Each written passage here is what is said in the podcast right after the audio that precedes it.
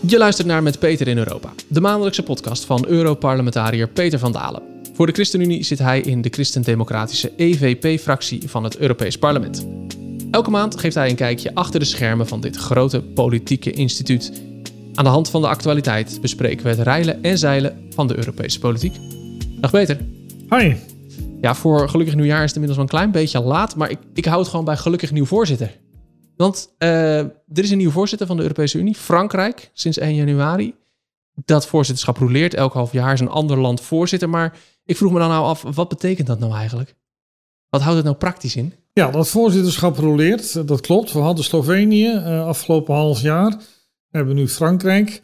Het belangrijkste is dat dan een land echt de agenda kan zetten voor de komende zes maanden. Wat gaat er besproken worden, ja en nee? Nou, in ieder geval willen de Fransen het onderwerp migratie eh, op de agenda zetten. Dus dat zal zeker ook eh, gebeuren. En een ander onderwerp uh, waar ze nu al van gezegd hebben dat wil bespreken is hoe gaan we nu verder met de energieproblemen. we komen waarschijnlijk toch in een dip in de energievoorziening te zitten. Frankrijk heeft al tientallen jaren kernenergie als energiebron. En ze willen nu ook dit onderwerp op de agenda gaan zetten. Kernenergie dus, maar wat willen ze daar dan mee doen? Nou, ze willen dat we in ieder geval de dip die mogelijk gaat komen door het minder verbruik van aardgas opvullen door ook kernenergie in te zetten. Waarbij dan kernenergie wordt gelabeld als een milieuvriendelijke, als een groene energie. Want ja, het geeft geen CO2-uitstoot. Eh, dus dat is nu het debat. Hoe moet je die kernenergie noemen? Is dat nou groen of halfgroen of niet? Maar de Fransen zeggen het is groen, het geeft geen CO2 en dus moeten we daar in ieder geval voor de komende 30 jaar ook mee gaan werken in Europa. Maar waarom is dat labeltje groen dan zo belangrijk? Want in principe staat niemand houdt Frankrijk toch tegen om kernenergie te gebruiken? Ja, dat heeft te maken met de investeringen. Als nu eh, de investeerders, bijvoorbeeld pensioenfondsen, horen van hé, hey, dat is een verantwoorde groene energiebron, dan gaan die investeerders, zoals pensioenfondsen, daar hun geld in steken. Want steeds meer investeerders uh, willen voor een verantwoorde groene energie alleen maar hun geld wegzetten. Dus het gaat uiteindelijk weer om geld. Het gaat uiteindelijk altijd weer om geld. Ja, ja en, en misschien ook een beetje om aanzien. Want uh, de, in Frankrijk waren uh, allerlei belangrijke gebouwen blauw verlicht. Uh, onder de Arc de Triomphe hing de Europese vlag en niet de Franse vlag. Macron vlagt hier letterlijk en figuurlijk echt mee. Hè? Hij vindt het heel belangrijk. Hij vindt het belangrijk en dat komt natuurlijk omdat de Fransen hebben in april presidentsverkiezingen. Dus hij wil ook een visitekaartje laten zien. Ik ben pro-Europa. En met dat visitekaartje hoopt hij dan in april de verkiezingen te winnen. Ah, werkt het? Nou, dat gaan we zien in april. het was in ieder geval voor de, voor, voor de, de rechtse partijen in Frankrijk ook een lekkere binnenkomen. Want oh, helemaal. Lekker met gestrekt been erin. Eh, van de rechtse groepering die heeft meteen gezegd, die Macron is niet goed snik, want hij had daar een Franse vlag ja. onder die Arc de Triomphe hangen. Ja, ja, ja, ze gaan er dan nou ja, zo blijft het doorlopen. We gaan zien wat het, wat het, wat het oplevert. Wat, wat, wat denk jij dan? Wat, wat kan dat opleveren het komende half jaar? Het voorzitterschap van Frankrijk? Nou, in ieder geval duidelijkheid op een paar van dit soort cruciale onderwerpen. Welke kant gaan we nu op aan migratie? Daar zijn we in Europa al tien jaar over aan het praten, zonder dat er echt knopen zijn doorgehakt. En ook op het gebied van die energietransitie. Welke keuzes gaan we nu maken? Ik verwacht in ieder geval op die twee onderwerpen dat we echt verder komen. Goed, dan naar het onderwerp van vandaag hier in de podcast. Want we zitten hier vandaag niet met z'n tweeën, maar met z'n drieën. Want vandaag de gast Jan Dirk van Nifterik, directeur van de stichting Hulp Vervolgde Christenen. Uh, ja, of misschien korten we het ook gewoon wel af tot HVC het komende half uur. Graag. Ja, zeker. Welkom. Uh, in deze aflevering van de podcast staat de situatie in Pakistan centraal. En daar hebben we het hier eerder over gehad. Toen hebben we het gehad over de vrijspraak van het Pakistanse echtpaar Shakufta en Shafkat. Um, Peter, jij houdt natuurlijk vanuit het Europees Parlement ook al lang bezig met de situatie in Pakistan. Waarom wilde jij het hier nou graag nog een keertje over hebben? Nou, een paar redenen. In de eerste plaats, eh, de Europese Unie is een belangrijke handelspartner voor Pakistan. En na China is de Europese Unie de grootste handelspartner voor Pakistan. Twee, in Pakistan uh, hebben we de zogenaamde blasfemiewetten. Je kan daar veroordeeld worden voor godslastering. Je kan er zelfs de doodstraf krijgen. En drie, we zien al jaren dat ja, christenvervolging helaas in Pakistan uh, veel voorkomt. En nou, die combinatie dus van handel, maar ook um, mensenrechten, godsdienstvrijheid, vind ik echt kernzaak van mijn politieke werk. En daarom vind ik dat we daar absoluut bij stil moeten staan. En dat gaan we doen. Jan Dirk, eerst maar eens even, kun je ons eens meenemen naar Pakistan? Hoe, hoe is de positie van christenen daar in Pakistan? Ja, af een paar weken terug was ik in Pakistan. Ehm, en dan, dan is het ook weer goed om, om een actuele indruk te vormen van de situatie. En actueel is met name de coronasituatie. Uh, we merken dat christenen echt gediscrimineerd worden als het gaat rondom steun, voedselsteun, andere steun. Die worden vaak verstrekt via islamitische organisaties, via moskeeën. En christenen mogen dan achteraan in de rij aansluiten. En daaruit kun je toch opmaken dat christenen een tweederangs burger zijn in het land. We moeten dat niet generaliseren. Uh, als christen kun je prima een leven hebben in Pakistan. Maar op een aantal vlakken gaat het knellen. Het zijn vaak de mensen met de laagst betaalde baantjes, met weinig inkomenszekerheid. En daardoor ontstaat er, ontstond er afgelopen twee jaar een enorme armoede in, uh, onder christenen in, in Pakistan. Een andere trend die we de afgelopen jaren zien zijn gedwongen bekeringen. Waarbij meisjes, of uh, uh, ja, meisjes vooral gekidnapt worden of ontvoerd worden door moslims. Gedwongen worden om zich te bekeren tot de islam. En gedwongen worden uh, om te, huwelen, te, te, trouwen met zo'n man. En Peter noemde het al, de, de blasfemiewetgeving in Pakistan is echt wel de grootste bedreiging voor christenen in het land. Daar hebben we recent onderzoek naar laten doen. En wat daaruit blijkt onder een grote groep christenen is dat zij zich echt continu bedreigd voelen en over hun schouder moeten kijken. Uh, en zich daardoor ook distancieren van de samenleving. Wauw. Nou, nou noemde ik net de zaak van hè, het Pakistanse echtpaar. Uh, zij werden ter dood veroordeeld wegens schoolslastering. Hoe vaak komen dat soort zaken dan voor in Pakistan? Aanklachten vanwege blasfemie en godslastering ja. komen echt veel voor. Uh, vaak worden die in de lagere gerechtshoven uh, afgehandeld en lopen die met een sisser af. De aantal zaken wat uh, echt in het gerechtshof komt en, en langer duurt, dat zijn er tientallen per jaar. ik heb de afgelopen jaren hebben bijgehouden, zijn er echt 15 tot 1600 zaken geweest. Zo. waaronder een deel moslims of minderheidgroeperingen binnen de moslims, maar ook een groot aantal christenen. Uh, wij als HBC kunnen niet al, niet al die zaken monitoren, maar we zijn met een aantal zaken betrokken om ja, deze christenen hulp te bieden. Zo'n godslasteringswet, het klinkt een beetje als een soort, ja, hoe kun je dat nou bewijzen? Dit is toch bijna niet te bewijzen, zo'n soort, soort, zaak. Hoe, hoe loopt zo'n zaak dan daar? Ehm, het is vaak het ene woord tegen het andere ja. woord. Niet zelden ontstaat zo'n zaak in, in een ruziesituatie. Waarbij dan op een gegeven moment iemand roept van... hé, hey, jij hebt de profeten beledigd. Nou, dan moet jij maar aantonen dat dat niet zo is. En ja, op die manier uh, begint het dan. En dan haalt uh, de andere partij soms ook wat getuigen erbij. Hè, als die gevonden kunnen worden. Maar het, het zijn altijd hele lastige zaken. En dat was ook het geval in een van de meest bekende zaken... waar we allebei bij betrokken zijn geweest... enkele jaren geleden rondom mevrouw Asia Bibi...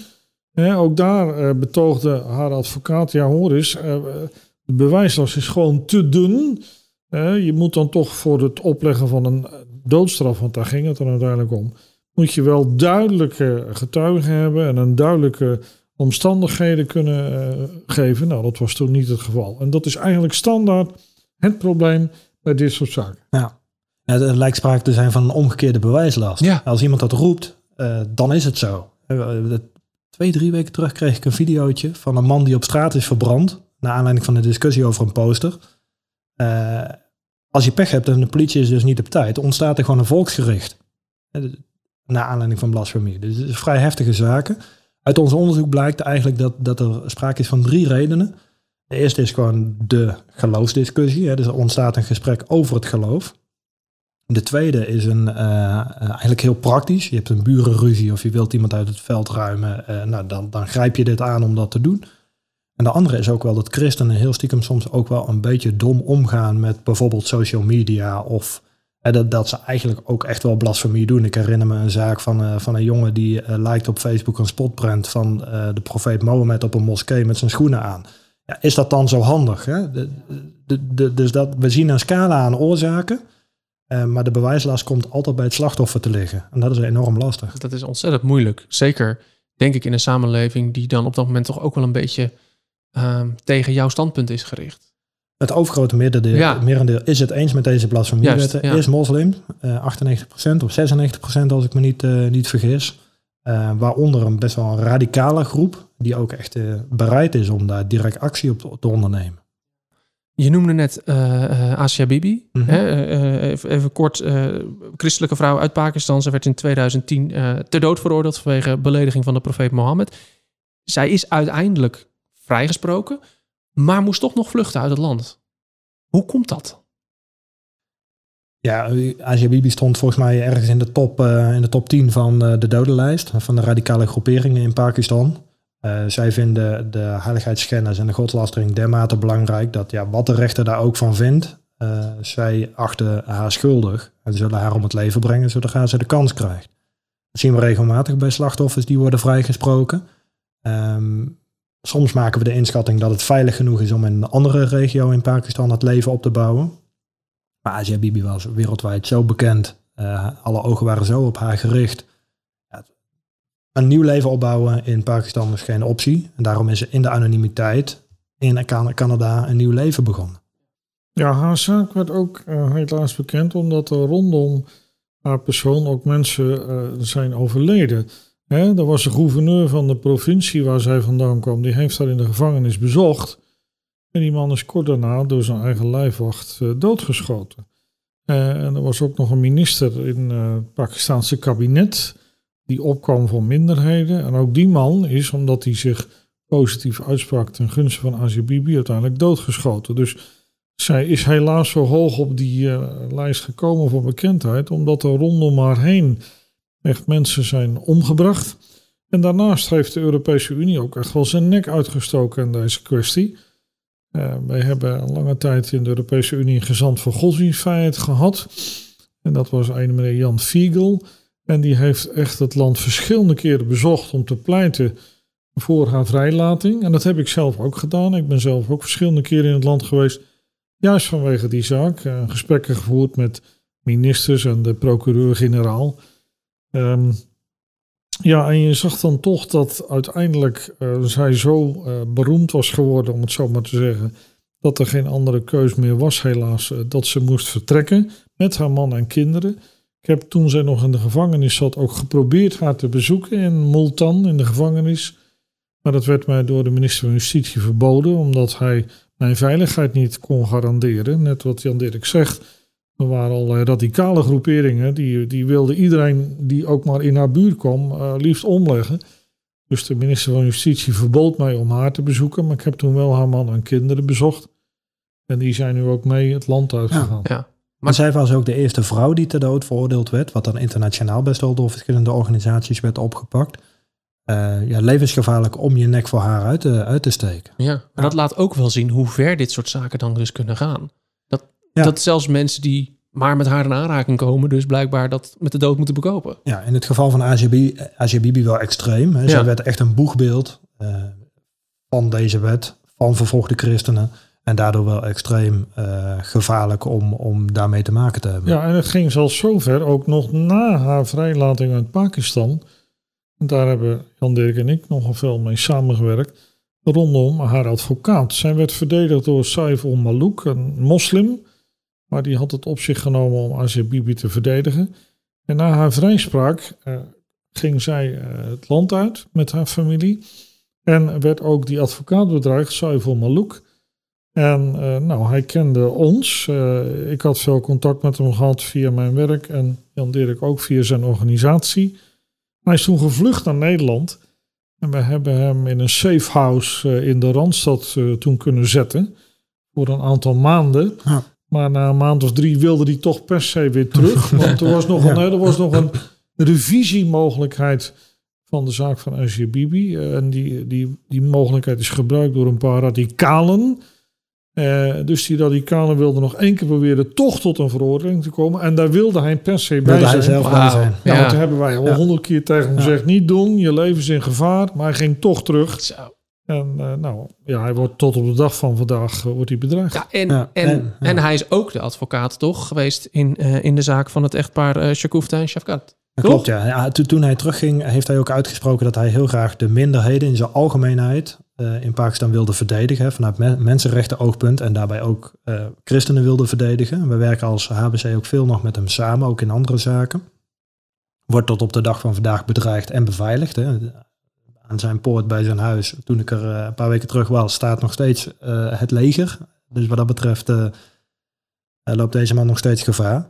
Maar hij heeft inderdaad ook de zaak van Shafkat en Shagufta gedaan. Wat kunnen jullie verder doen als HVC in dit soort situaties? Bijvoorbeeld Shafka, in, in de zaak van Shafkat en Shagufta. Wat, wat hebben jullie daar kunnen doen voor hen? Maar wat wij zien is dat heel veel organisaties daar opduiken. Dat het een soort van marketing wordt. dat de familie ergens ondergebracht wordt. En dat er dan een wereldwijde lobby voor donaties op gang komt. Dus daar proberen wij tegen te vechten. We willen families echt hulp bieden. maar maken geen marketing van. Want er heeft niemand wat aan.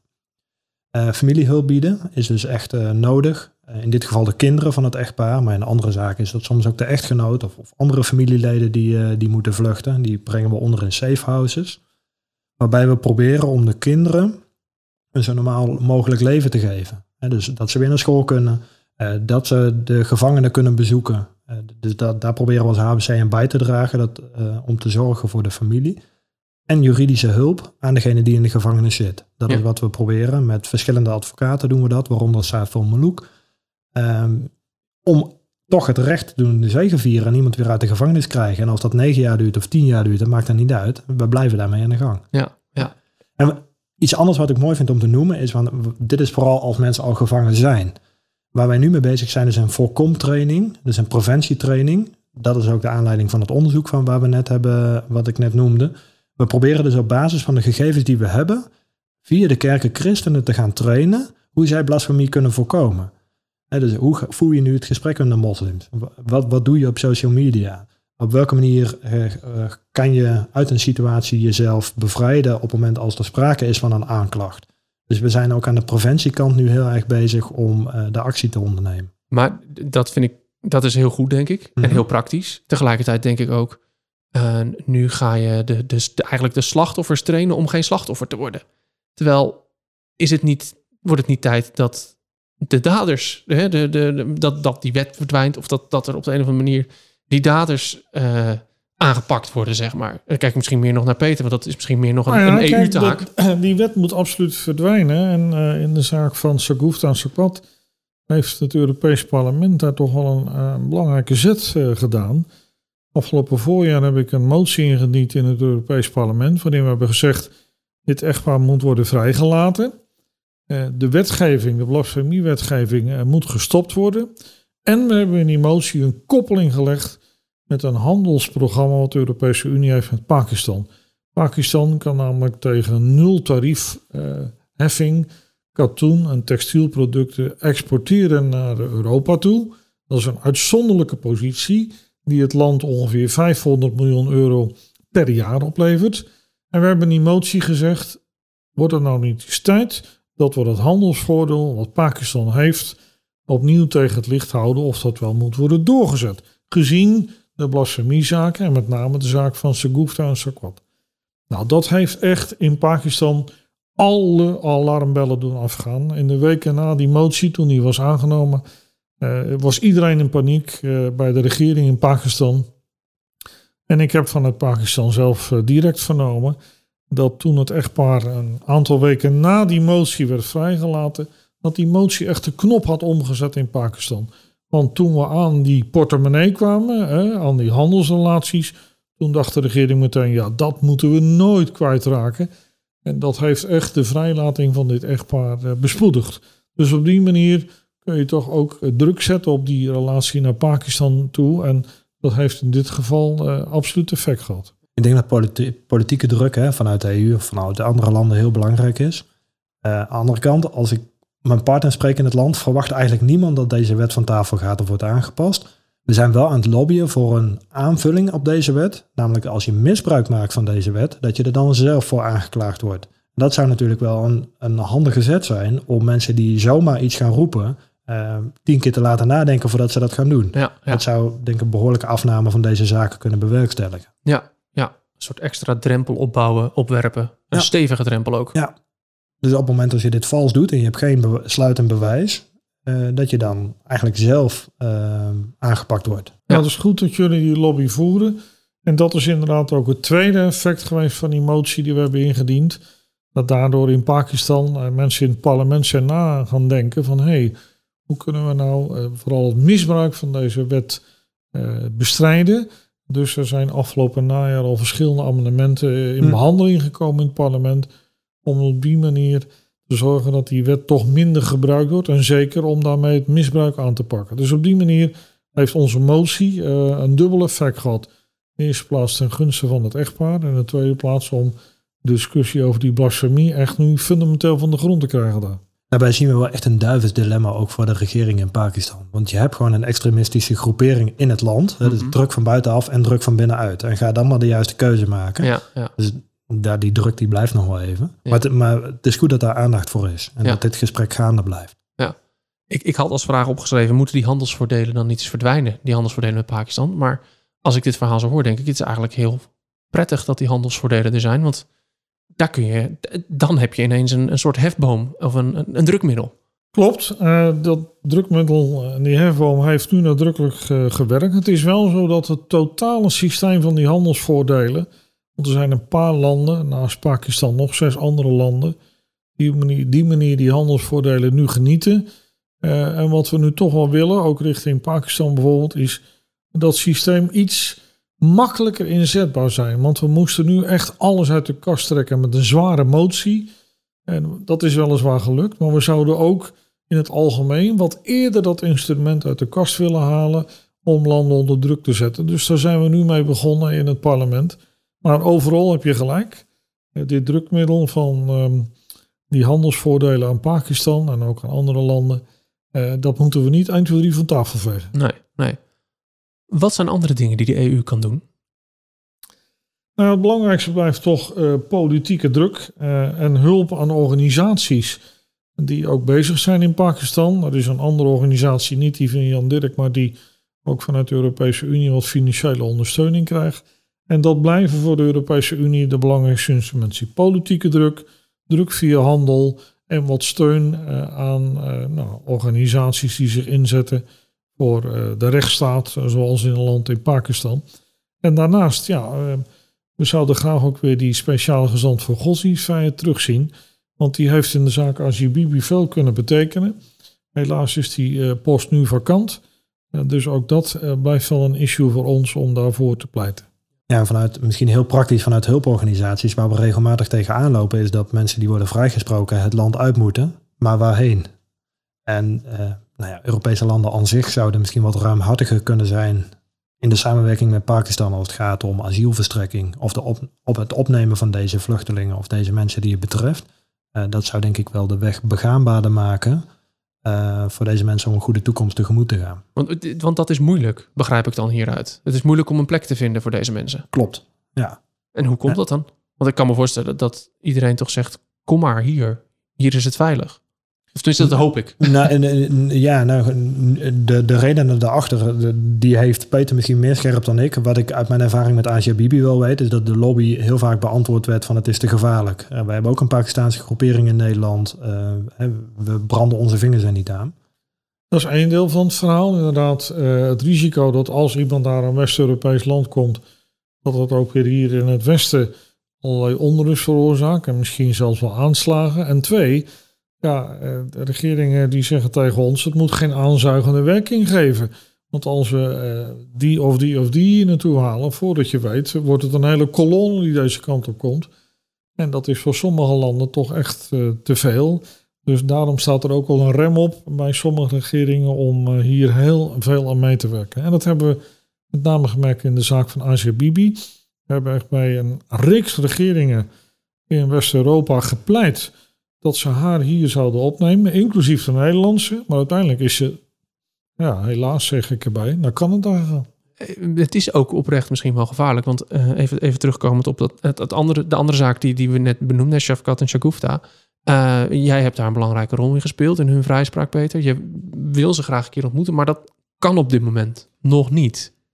Nee, dat klopt. ze zijn naar een West-Europees land gekomen. En ik had eh, in de planning om uh, het echtpaar afgelopen najaar te ontmoeten en daar ook wat aandacht aan te geven. Uh, en toen werden we meteen gebeld door de hoogste ambtenaar van het desbetreffende ministerie.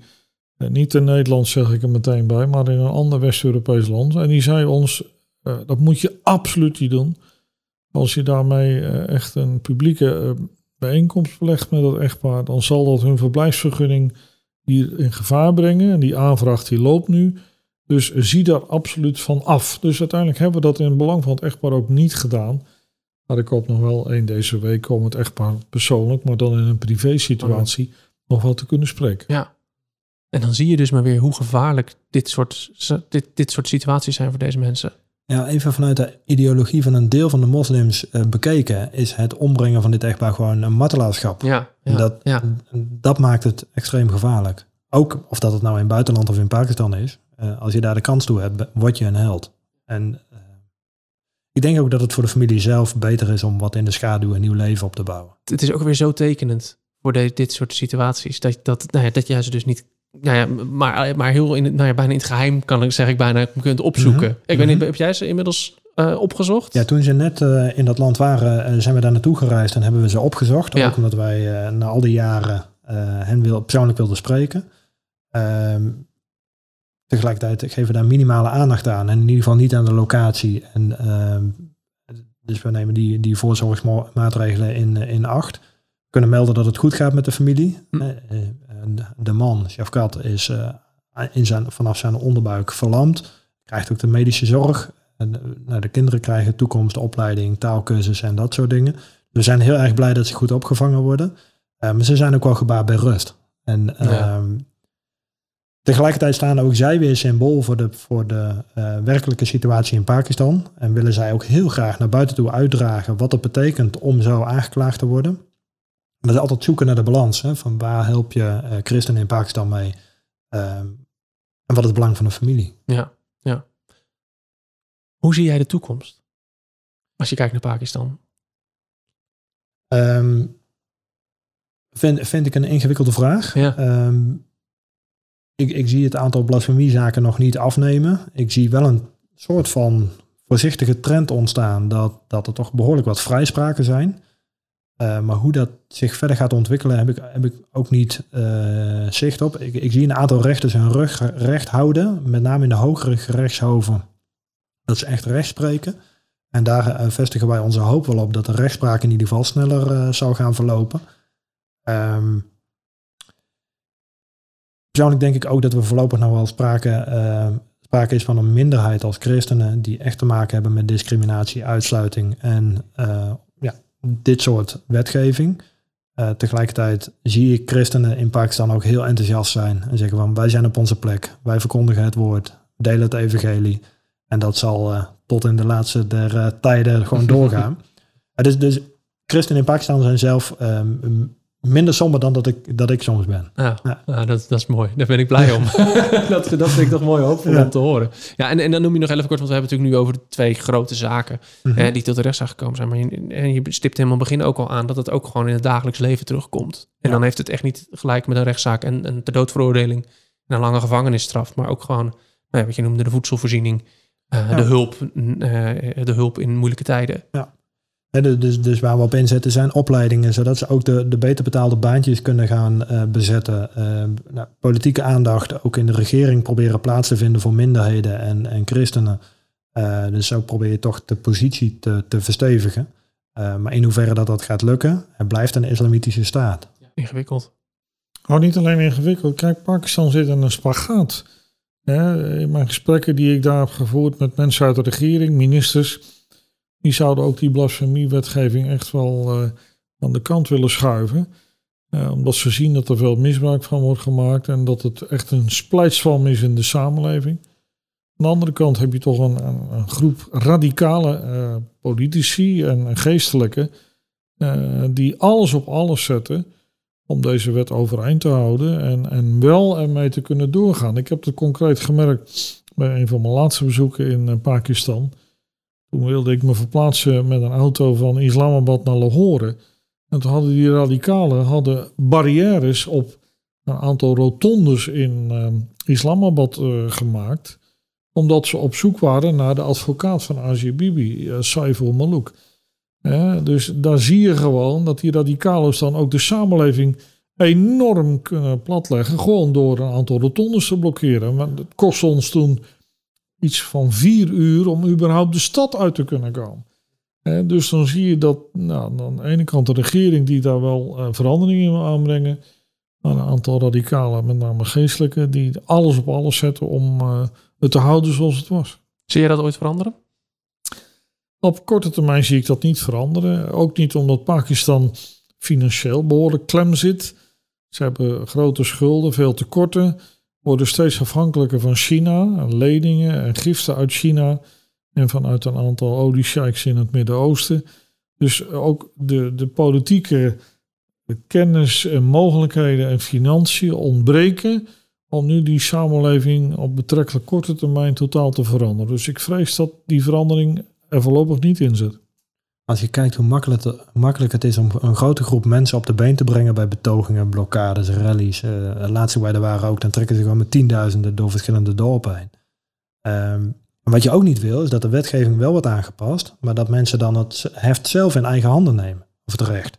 He, dan krijg je weer die straat ja, volksgerichten, waar we de laatst ook weer een van hebben gezien.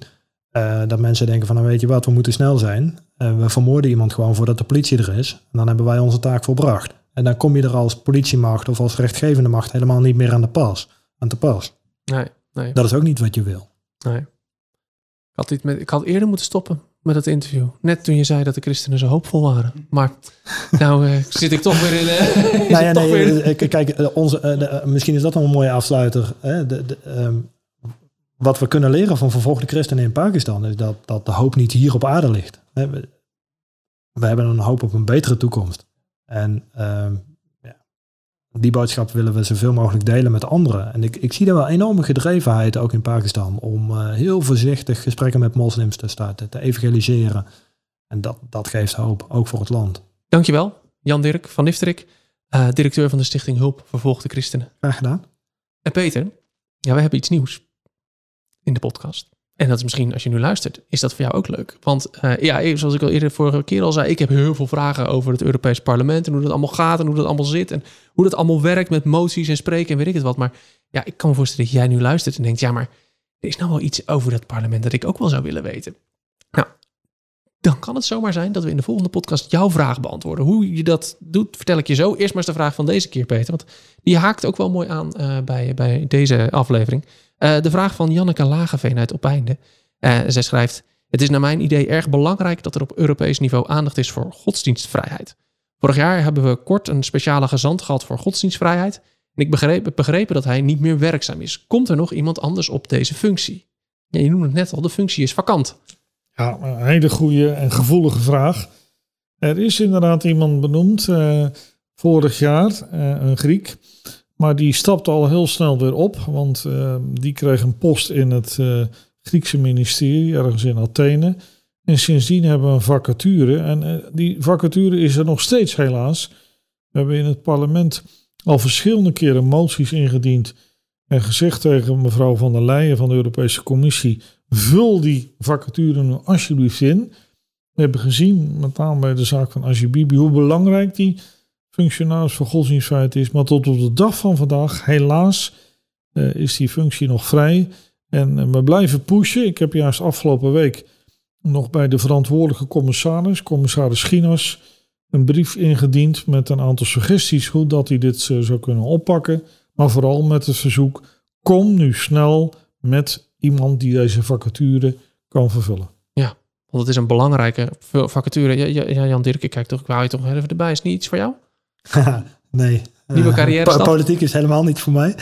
Uh, maar wel een belangrijke uh, post, een facturen. Ik denk dat iedereen die op een wijze manier aandacht vraagt voor godsdienstvrijheid uh, meer dan welkom is. Op welk niveau dan ook. En zeker ja, binnen, binnen Europa. ik zou zeggen, meer iets voor Peter eigenlijk. Hij gaat Peter zich in Europa als Europarlementariër. Andere dingen. Nou, laten, we, laten, we dan, laten we dan gewoon zeggen, we spreken de hoop uit dat hij, dat hij, er snel, dat hij snel ingevuld wordt. Um, ja, en dan, dan komende week, Peter, hoe ziet de agenda eruit? Heb je veel, uh, is het alweer een beetje begonnen allemaal na het reces? Ja, we zijn alweer een beetje begonnen. En um, de agenda voor de komende week is toch vooral eh, de plenaire vergadering weer in Straatsburg. Ach. We gaan weer naar Straatsburg en dat wordt een belangrijke vergaderweek. Met eigenlijk alleen maar stemmingen. We gaan stemmen over een nieuwe voorzitter. We hebben nu uh, een Italiaan, een socialist, meneer Sassoli. Die wordt het niet. Uh, die heeft zich niet gekandideerd. En ik hoop dat het nu iemand wordt uit eh, onze christendemocratische fractie, mevrouw Roberta Metsola uit Malta. Ziet er goed uit, maar daar moeten we over gaan stemmen. En voor de rest moeten we gaan stemmen over de vicevoorzitters. En, en dan even, even heel, ik ga je kort onderbreken. Want we hadden natuurlijk in het begin van de aflevering hadden we het over het voorzitterschap van Frankrijk. Dit Ja, is oh dus de voorzitter van, het, van de vergadering. hè? Ja, heel ik, goed dat je dat nog even aanstipt. Zeker, het gaat over de voorzitter van het Europees Parlement. Hè. We hebben eigenlijk drie Europese instellingen. De Raad, de Raad van Ministers, dat is één. De Europese Commissie, dat is twee. En het Europees Parlement is drie. En we hadden een Italiaanse voorzitter. En we hopen nu een christendemocratische voorzitter te kunnen krijgen. In de persoon van collega Metsola. Nou, dat is eigenlijk een van de belangrijkste dingen voor de agenda van volgende, komende week. Stemmingen over voorzitter, vicevoorzitters, aantal andere functionarissen in het parlement. Dus de inhoudelijke agenda zal niet zo heel dik zijn, maar vooral echt, en dat gaat dagen duren, hè, die stemmingen. Dat zijn lange rondes, Ja, oh. waarbij iedereen eh, op een briefje, want het gaat over personen, een naam moet aankruisen en invullen. En die worden dan in stemboxen gedaan. Dat moet apart per ronde geteld worden. Dus dat zijn echt dagenlang stemmingen, maar wel belangrijk. Wel belangrijk. nou, ik, ik moet nu eerlijk zeggen, ik ben blij dat jij er zit en niet ik, denk ik. maar goed, en dan volgende maand doen we weer een nieuwe podcast. Ja, absoluut. Dankjewel. Hartstikke goed. Je luisterde naar Met Peter in Europa, een podcast van de ChristenUnie en de EVP-fractie. Mijn naam is Zegert van der Linden. Volgende maand maken we weer een nieuwe aflevering. En zoals gezegd, misschien behandelen we daarin wel jouw vraag over de Europese Unie. Je kunt je vragen mailen naar eurofractiepodcast.gmail.com of stel ze via social media. En de juiste linkjes die vind je in de show notes. Abonneer je op de podcast in je favoriete podcast app. Dan verschijnt de nieuwe aflevering vanzelf in je feed. Voor nu, bedankt voor het luisteren. En tot de volgende aflevering.